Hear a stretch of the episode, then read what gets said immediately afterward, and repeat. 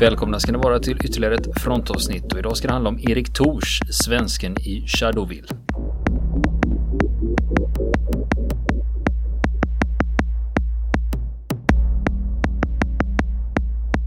Har du Niklas, Shadowville? Mm, då är det Kongo igen. Då är det Kongo ja. Ja, just det. ja. Har du sett filmen? Nej, jag har inte gjort det.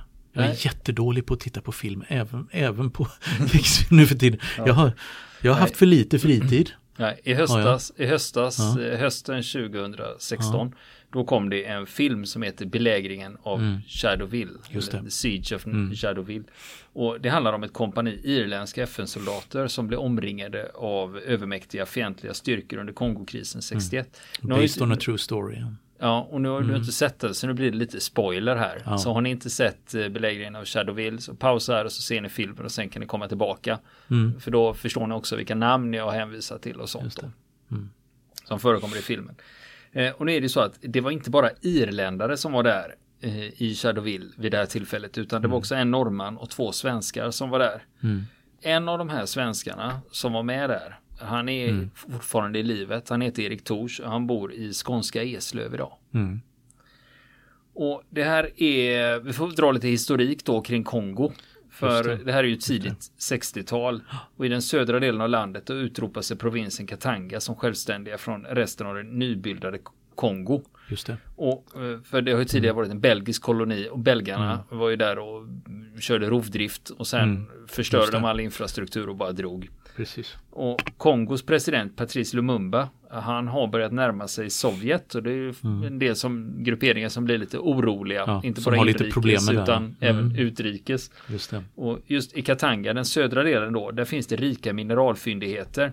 Och där är det fortfarande kvar belgiska gruvbolag. Och de är ju rädda då att eh, de här ska nationaliseras. Om Mm. Patrice Lumumba kör den sovjetiska linjen så kan ju de här bli nationaliserade och då åker de belgiska gruvbolagen ut på röven. Mm. Och eh, då är det general Moise Tshombe. Han utropas med Belgiens stöd som ledare för Katanga. Och att nu är de självständiga. Och han upprättar ett eh, gendarmeri. Och det här katangesiska gendarmeriet. Eh, Det är ju en eh, armé egentligen. Alltså soldater. Men gendarmeri Inofficiell. är ju lite Ja. mer åt eh, det polisiära hållet. Va? Just det. Lite täckmantel där. Ja, ungefär som att vi utbildade polititrupper i Sverige. Just det. Norska Just det. polistrupper. Precis. Så det är lite åt samma håll där.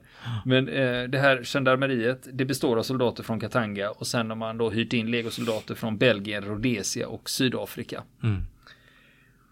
Och 1960 då ingriper FN med trupper för att införliva Katanga med resten av Kongo. Och det blir hårda strider i det här. Mellan åren 1960 och 64 då är över 6000 svenskar där och gör FN-tjänst och eh, 19 svenskar stupar där nere. Och det. var ju också det där med att eh, FN var ju förhållandevis ung organisation och leddes då av svenske Dag Hammarskjöld. Det. Och det var också just det att man försökte fortfarande finna sig lite till rätta. Vad är det FN ska göra och vilken... Man hade ju tidigare gjort Ja. en insats i Gaza. Just det. Just det. Så men det var fortfarande att man trevar sig fram lite liksom. Hur Mm. ska FN agera och hur ska vi göra? Men eh, nu är det så om vi pratar om Erik Tors då. Mm. Eh, jag var nere i Eslöv i vintras och träffade honom och för Mm. att höra hans historia om det här. Eh, Och jag hade med mig mikrofoner och tänkte intervjua honom. Men tyvärr så har Erik han har drabbats av strupcancer för flera år sedan. Mm. Och det gör att han inte har så mycket röst kvar. Det går att höra vad han säger om man Mm. sitter mitt emot honom och för ett samtal. Men att spela in det eh, med mikrofoner det, är- det är inte Mm. Nej, värt att göra det. Så jag kommer att återge istället vad det är han har berättat då. Just det. Eh, Och det har, det har clearat med honom också, så det är inte det att det kommer som en överraskning, utan det är så vi har Mm. Kommit överens om, om om, om att göra det här. Ja.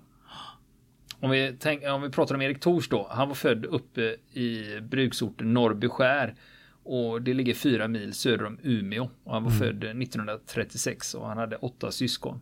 Mm. Och sen tog han studenten i Umeå och då blev det värnplikt i flottan i Stockholm. Och han tjänstgjorde på ubåtar och jagare och flera andra båtar. Och då var han radiotekniker.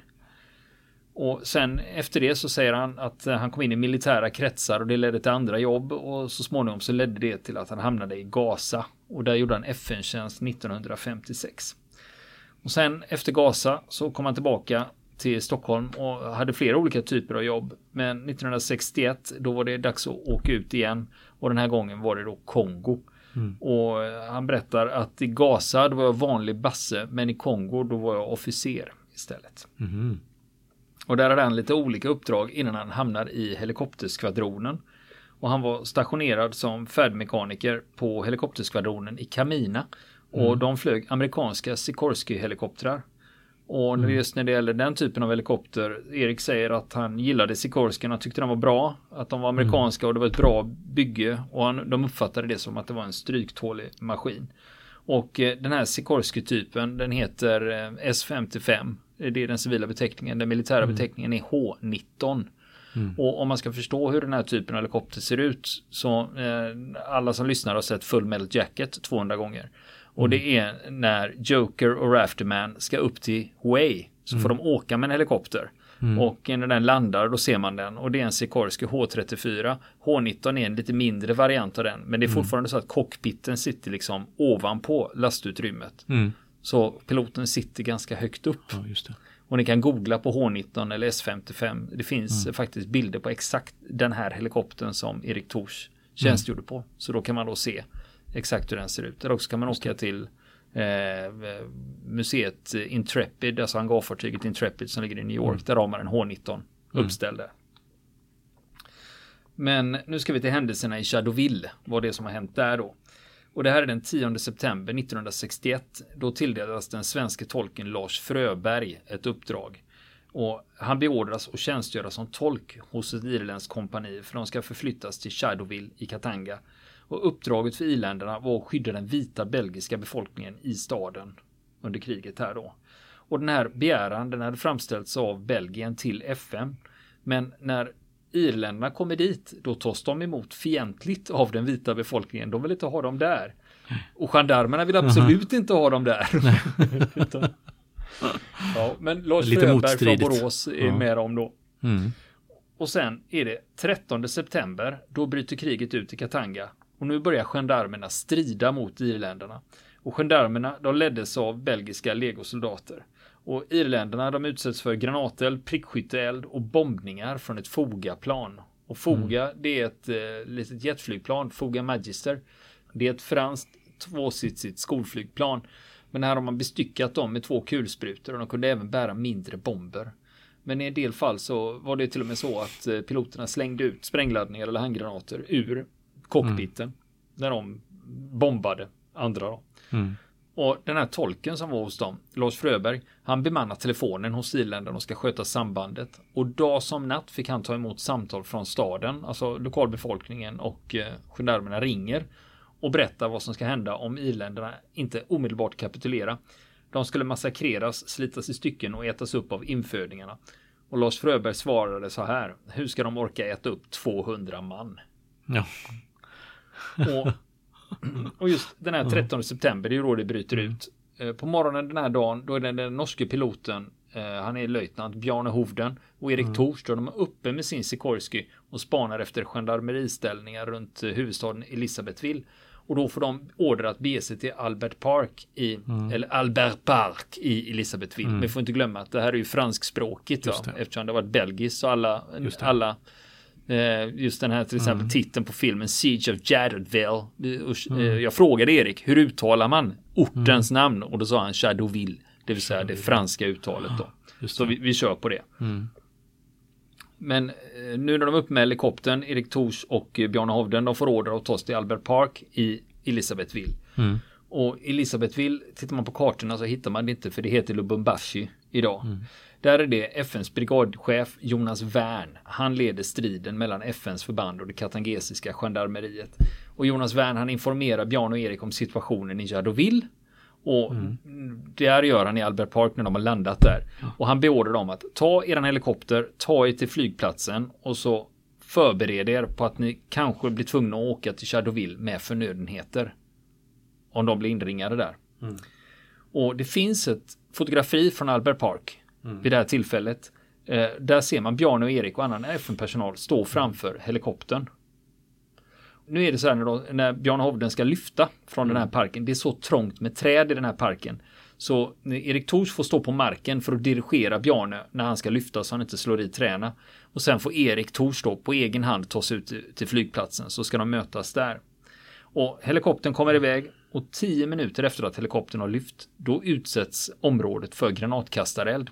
Och Erik Tors och några andra de söker skydd under en jeep och de ser den norske läkaren Öjen gömma sig bakom en kraftig trädstam. Och den svenska majoren, det var en svensk major på plats mm. som hette Gerhard Gallon.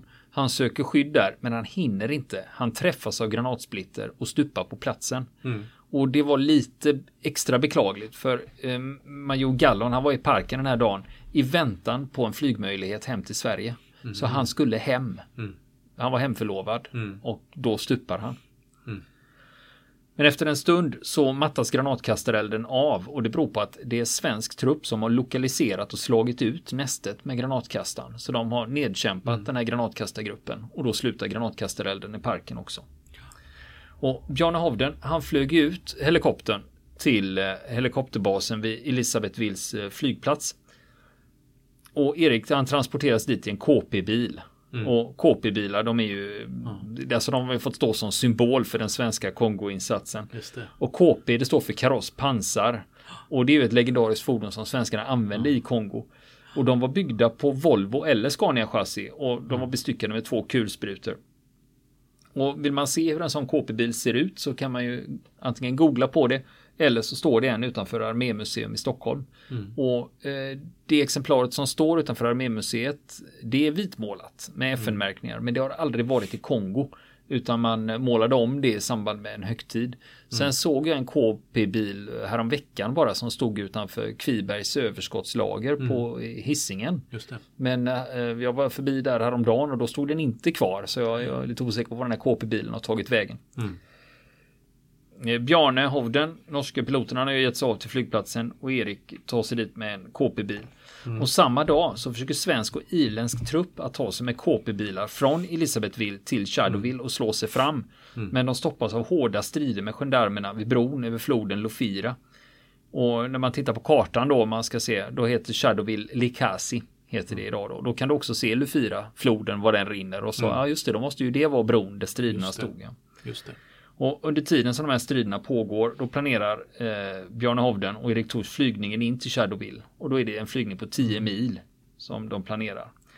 Och eh, när jag är hos Erik Tors i hans mm. lägenhet, då tar han fram en kartbok, en mm. atlas. Så vi sätter oss och bläddrar i den och då har han skrivit upp de, både de gamla och de nya namnen på orterna mm. som man ska kunna hitta. Och sen den 15 september, då rapporterar iländerna att vattnet har skurits av och att ammunitionen börjar ta slut. Och överste Jonas Wern beslutar att försöka med Lufira-bron en gång till för att undsätta iländarna och skicka in en helikopter med förnödenheter. Och det man skulle ha in då, det var mat, vatten, ammunition och sjukvårdsutrustning. Och maten, det var Sea Rations. Den var färdiglagad och konserverad. Och de, eh, Erik, Erik berättade att de kallas för Five in One. Och det berodde på att förpackningen skulle räcka för en soldat i fem dagar. Eller en dag för fem soldater. Mm. det är fem dagsransoner alltså. Och på kvällen den 15 september då kom överste Wern ut till flygfältet för att gå igenom planen med Bjarne och Erik. Att de skulle ta sig dit i skydd av mörkret och de ska landa i gryningen. Och om möjligt så ska de bara vräka ut förnödenheterna till iländerna och sen lyfta direkt och komma tillbaka till Elisabethville. Mm. Men orden var att om de inte kunde lyfta på grund av eldgivning, mm. då skulle de överge helikoptern och ta skydd. För deras egna liv var viktigare, så offra inte era liv till förmån för helikoptern. Mm. Och iländerna i Jardoville de informeras om att en helikopter är på gång och att om det går så ska de behöva ge eld för att skydda landningen. Så ni får skydda den när den kommer. Mm. Och sen den 16 september, då är helikoptern lastad eller överlastad. Den var så tung så den kunde inte lyfta rakt upp utan man fick rulla igång den längs med startbanan. Mm. Så man var tvungen att få tillräcklig fart för att lyfta. Mm. Och det här är ingenting unikt för den här situationen utan just när det gäller helikoptrar, att är de extremt tungt lastade så kan de inte bara lyfta rakt upp utan de behöver ha fart framåt då. För att kunna komma upp. Och när Bjarne och Erik har kommit upp i luften, då ser de striderna vid Lufirabron. Och Erik berättar då att de höll undan en bra bit från striderna för att inte bli träffade. Och den här gången så deltar irländska och indiska styrkor. Och Erik berättar att det var indiska Gurkas som deltog mm. där.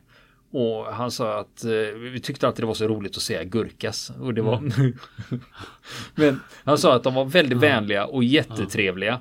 Och de var jätteduktiga soldater och de verkade inte oroliga eller rädda för någonting. Nej. Utan de var väldigt, väldigt duktiga soldater.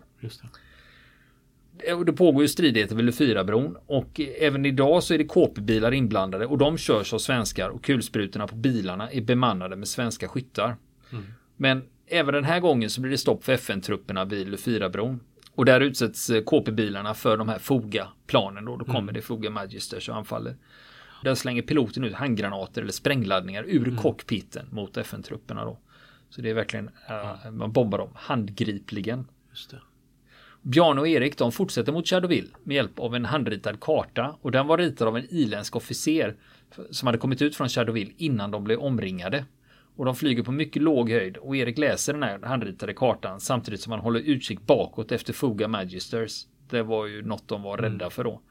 Och Erik säger att Bjarne var en fantastiskt skicklig pilot. Han var mycket skicklig och hade mycket erfarenhet. Han hade bland annat jobbat med att flyga fiskepersonal i södra ishavet. Och så hade han mycket gott humör. Och han var lite äldre än oss andra också. Och från Lufyrabron tar det en halvtimme innan de kommer fram till Shadowville. Och Erik berättar att de flög nästan nere på marken i djungeln och så var det den där jävla fogan vi höll utkik efter. Och Erik berättar också att eh, även om de, de, var, det var lite blandat det där med fogan då, hur rädda de var för den. För han sa det att vi var inte så speciellt oroliga för det fanns inte så många fogor som de hade, som hade, som de hade för, för, till sitt förfogande. Mm. Så det var inte så speciellt farligt egentligen. Till slut så börjar de närma sig Shadowville och de ser byggnaderna i gruvorten. Mm. Och nu ligger de på 200-300 meters höjd och spanar efter irländarna. Och då utsätts de för eld. Och då förstår de att men då har vi kommit rätt. Ja. och då säger, berättar Erik också att vi såg irländarna i sista ögonblicket. Mm. För Erik kan se en rörelse mellan två byggnader i utkanten av ett öppet fält. Mm. Och de ser att det är en kulsprutebestyckad irländsk jeep. Och, och, då förstår de att mm. där är de. Och Bjarne han påbörjar inflygningen för landning. Och då känner de små ryckningar i helikopterkroppen. Och då är det kulor som slår in i kroppen på helikoptern. Mm. Ja. Men nu har de börjat inflygningen och det är för sent att vända. Det är landning som gäller. Ja. Och samtidigt så hör de ett vinande uppifrån. Och då har de blivit upptäckta av en Foga Magister som går till anfall.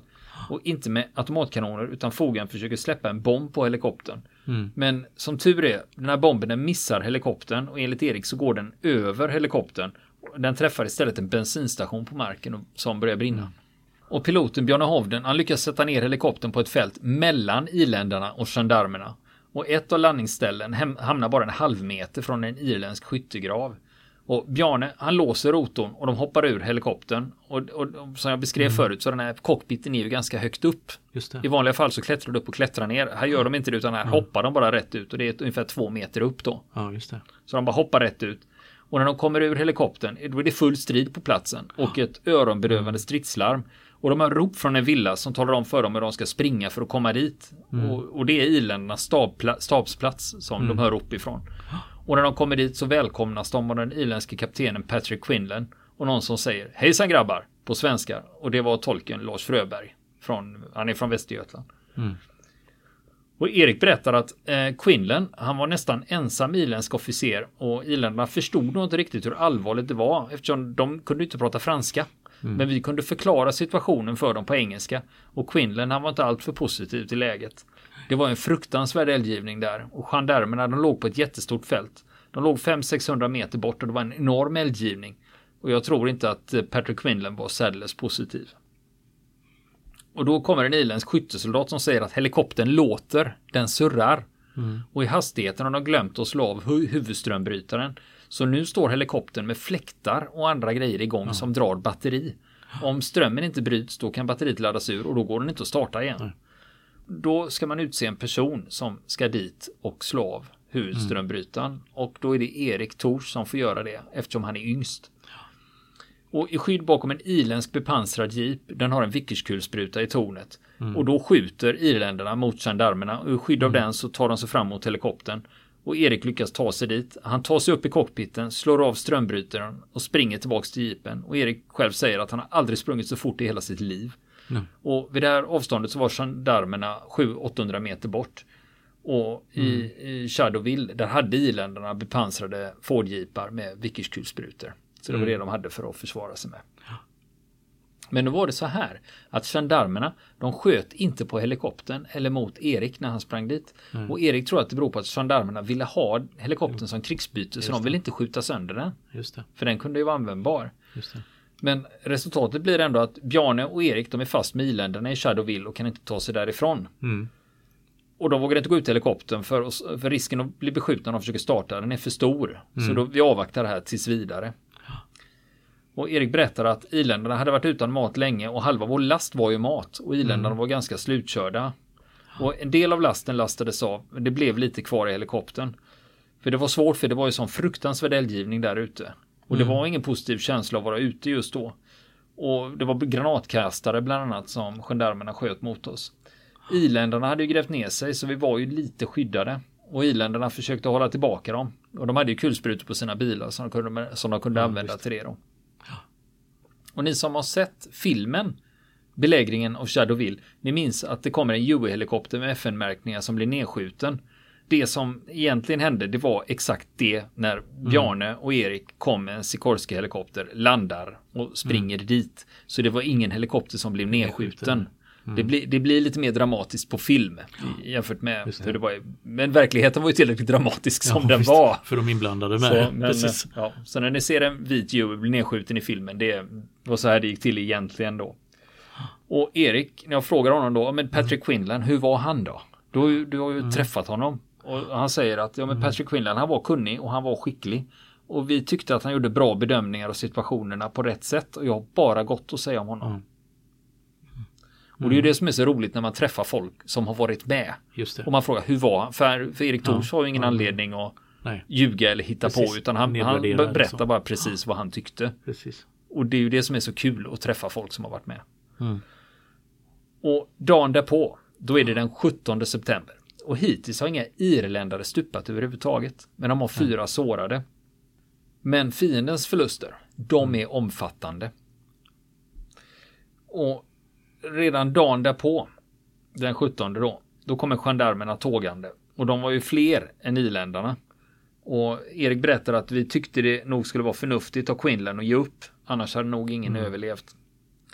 Och Patrick Quinlan han inser att läget är hopplöst. För de är underlägsna i antal, de har ont om vatten, mat och ammunition. Och de har inte fått så mycket sömn de senaste dagarna och dessutom har de fyra sårade. Och Erik berättar då, jag frågar just det, men i vilket skick var irländarna när du kom dit då? Och han sa att de var bra slitna när vi väl kom dit. Mm. Och katangeserna kommer dit för att förhandla. Och hos eh, irländarna finns det två franskspråkiga personer. Och det är tolken Lars Fröberg och Erik Tors. Mm. Så de får vara med och tolka under samtalen med katangeserna. Och i spetsen för katangeserna är inrikesminister Munungo. Och då frågar jag, eh, jag frågar Erik då, aha Munungo, hur var han? Mm. Det var ingen trevlig jävel, Nej, okej. säger Erik då. Men det blev nästan inga förhandlingar alls för Eric Quin- Quinlan. Han gick med på, på, på att ge upp nästan omedelbart. Och sen eh, Erik berättar att eh, han och eh, Lasse Fröberg tackade honom för det och sa att du gjorde helt rätt. Tack för att du fattade det beslutet. Och Erik tillägger också att Quinlan han var en klok man. Att det var rätt beslut i det läget då. Och de går i fångenskap och de transporteras till Hotel de l'Europe i Shadowville. Och enligt Erik så behandlades de väl av gendarmerna. Och han säger också att hotellet var ett utmärkt ställe och här behandlades vi bra. Och jag tror att gendarmerna hade mycket skarpa order om att låta oss vara i fred och inte ställa till med någonting. Och det här hotellet, det var ändå tomt, efter, för det var krig. Så det, de hade inga hotellgäster ändå. Och gendarmerna hade det som högkvarter och fångläger då. Mm. Och Lars Fröberg och Erik, det var ju de två som pratade franska, så de fick sköta kontakterna med soldaterna som vaktade dem. Och jag frågade Erik hur maten var och får svaret, den var utmärkt, för det var jag som handlade. Va? Handlade du? Ja, det följde med tre, fyra vakter till affären och där fick vi plocka ihop varor. Vi var fyra, fem man som bar. Och då undrar jag bara, fan, det var ju fullt krig. Fanns det matvaror i butikerna? Bara, Ja. Ja, hyllorna var fulla, säger han. För Katanga hade varit avskilt så länge från Kongo så kriget kom aldrig riktigt dit som det var i övriga Kongo. Nej, just det. Och det är också just det där man får en bild av hur Ja. det är liksom att när de Ja. är fångar då, hur de, Ja, de behandlas väl och det är Erik Ja. Thorsson Det som är sköter inköpen. liksom vad man hade förväntat sig. Ja. Ja. Och sen är det den 18 september, dagen därpå. Då kommer det dåliga nyheter. inrikesministern Munungo, han kommer till krigsfångarna och berättar att FNs generalsekreterare Dag Hammarskjöld har dött. Hans mm. flygplan, det hade störtat, det var på väg till Ndola i Nordrhodesia. Det heter mm. Zambia idag, det landet. Just det. Och Hammarskjöld var, var, på väg dit, han skulle förhandla om fred med Katangas president Moise Tshombe. Och det, känner, men det är ju en helt mm. separat historia det. kring det här. Det. Och det har varit mycket spekulationer mm. kring. Det kommer en rapport snart. Ja, och det jag är väldigt mm. nyfiken på den rapporten för Precis. jag har själv följt det där mm. med Dag Hammarskjölds eh, död. Vad var det som hände? För det finns ju flera olika versioner. Om de har blivit ja, sprängladdning ombord, om de blir mm. nedskjutna eller om det var en eh, ett pilotfel. Så det finns flera mm. versioner. Men vi avvaktar tills vi avvaktar. rapporten Precis. kommer. Så ska vi rapportera om det också. För det är en särskilt intressant historia. Absolut. Och jag frågar Erik då, ja, men när, ni, när ni fick det här dödsbudet, eh, trodde ni på det då? Ja, jo, vi var övertygade om att det var sant. Ja, mm. och hur, hur var reaktionen? Ja, det är klart att eh, stämningen sjönk avsevärt bland FN-soldaterna. Vi visste ju mycket väl vad det var för uppdrag han varit ute på. Mm. Och tre dagar senare, den 21 mm. september, då blir det ett provisoriskt eldupphör mellan FN och Katanga. Men trots det så dröjer det ända fram till den 25 oktober innan iländarna, norska Bjarne och Lars Fröberg och Erik släpps. Och då återvänder de till FN-basen i Elisabethville och då har de varit i fångenskap i 39 dagar. Och han berättar det också Erik att när vi kom tillbaks till Elisabethville då spred vi vår uppfattning bland de andra att vi var väldigt nöjda med Quinlan. Mm. Att han hade gjort jävligt bra ifrån sig. Och helikoptern de hade lämnat till Shadowville, mm. nummer 620, den användes av det katangesiska flygvapnet fram till december. Då förstördes den i strid. Mm. Och Erik själv, han fortsätter i FN-tjänst i Kongo fram till 1962. Då började han arbeta för Transair, flygbolaget. De flög svenskar in och ut ur Kongo. Och sen fortsatte han att jobba inom turism och han arbetade i flera olika länder i världen. Och det var bland annat då han lärde sig tala grekiska. Så han talar ju även, inte mm. bara svenska, engelska, franska mm. utan även grekiska. Och när han väl kom hem till Sverige då blev han så småningom tv och radioproducent för Utbildningsradion. Och det jobbade han med i många år. Och några år innan pensionen då flyttade han till Eslöv och där började han jobba på kommunens kulturförvaltning och Medborgarskolan. Mm. Och så har vi det här med medaljerna då. Att eh, 10 maj 62 då fick Erik Vasamedaljen av kungen. Eh, tyvärr så är den här medaljen inte kvar för han har tappat den i Egypten. Han, han flängde ju runt så jäkla mycket sen ja, eh, efter Kongo. Eh, och jobbade i resesvängen då. Men sen är det 13 svenskar som deltog i striderna vid Lufirabron. De får 2009 Försvarsmaktens belöningsmedalj för internationella insatser i guld. Och det fick de av överbefälhavare Sverker Göransson. Och förslaget att de skulle få medaljer, mm. det kom ursprungligen från de irländska och indiska befälhavarna. Mm. Och sen 2010 då tilldelas Erik Tors och Lars Fröberg diplom från den irländska försvarsmakten för sina insatser i Shadowville. Tyvärr hade Lars Fröberg avlidit 2007 så det var hans änka som fick ta emot det diplomet. Mm. Men hemma hos Erik Tors i mm. Eslöv mm. där hänger det här diplomet inramat på väggen i vardagsrummet. Mm. Och det är stort och det är som en liggande A3 Oj. som är inglasat på väggen där. Och där står det Erik Tors Warrant Officer. Mm det här med Shadowville från mm. irländskt håll så har ju det varit en laddad historia. Va? För att de som var med där de upplever mm. att de inte har fått det erkännande de förtjänar. Mm. För när de kom hem så sopades det liksom under mattan att ja, ni åkte ner och så gav ni upp. Va? Ja, att ni inte fortsatte kämpa. Så det har varit väldigt tabu, hela ja. Shadowville-frågan. Mm. Men nu på senare år, i och med filmen också, så har det ju mm. kommit, mer, eh, kommit en, så att säga, en upprättelse till de soldaterna mm. som var med där. Ja, just det deras historia. För det var lite skamligt just det där. Så det var en av de som var med i Shadowville va? Mm -hmm. Vet man hur de var. Ja, så att eh, det, ja. så de, det, har, det har hänt mm. mycket på den fronten. Och hur gick det för befälhavaren? Quinlan? Ja. ja. det var ju så här när irländarna kom hem så skulle man ju helst inte säga att det var bra för karriären att inte säga att man hade varit med i Shadowville. Så det var ju bara locket på. Mm. Men Quinlan han fortsatte i militären och han blev eh, så småningom överste innan han gick i pension. Och han avled 97. Mm. Och det var innan de hade fått något och, erkännande. Ja, utan erkännandet eh, kom ju först då 2004. När försvarsministern, eh, då beordrade han att göra en full genomlysning av slaget liksom för att se om det var läge för upprättelse. Och det som den här rapporten visade var att eh, de irländska soldaterna hade inte gjort något fel. Mm. Och man reste dessutom en minnessten för A-kompaniet vid deras baracker eh, mm. på Irland då. Mm.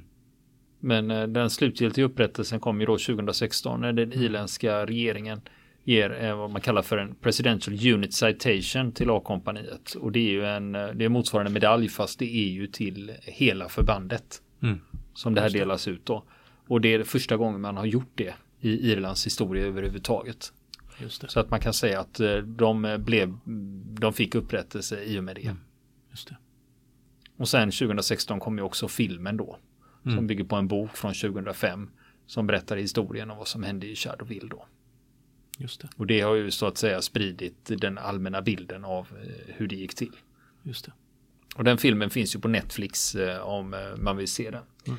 Och sen vill man se bilder kring det här Mm. och lite kartor och sånt så har jag med en artikel i tidningen Militär Historia nummer 8 2017 Mm. eh, julinumret så då kan man eh, köpa den och kolla. Då finns det lite bilder och kartor Mm. så man får lite mer information om det här. Just det. Kolla det. Vill ni komma i kontakt med oss så kan ni göra det via vår Facebook-sida som heter Fronten. Det är inga problem för er att leta er fram där. Eller också så mejlar ni på vår mejladress och det är frontenpodcast@gmail.com.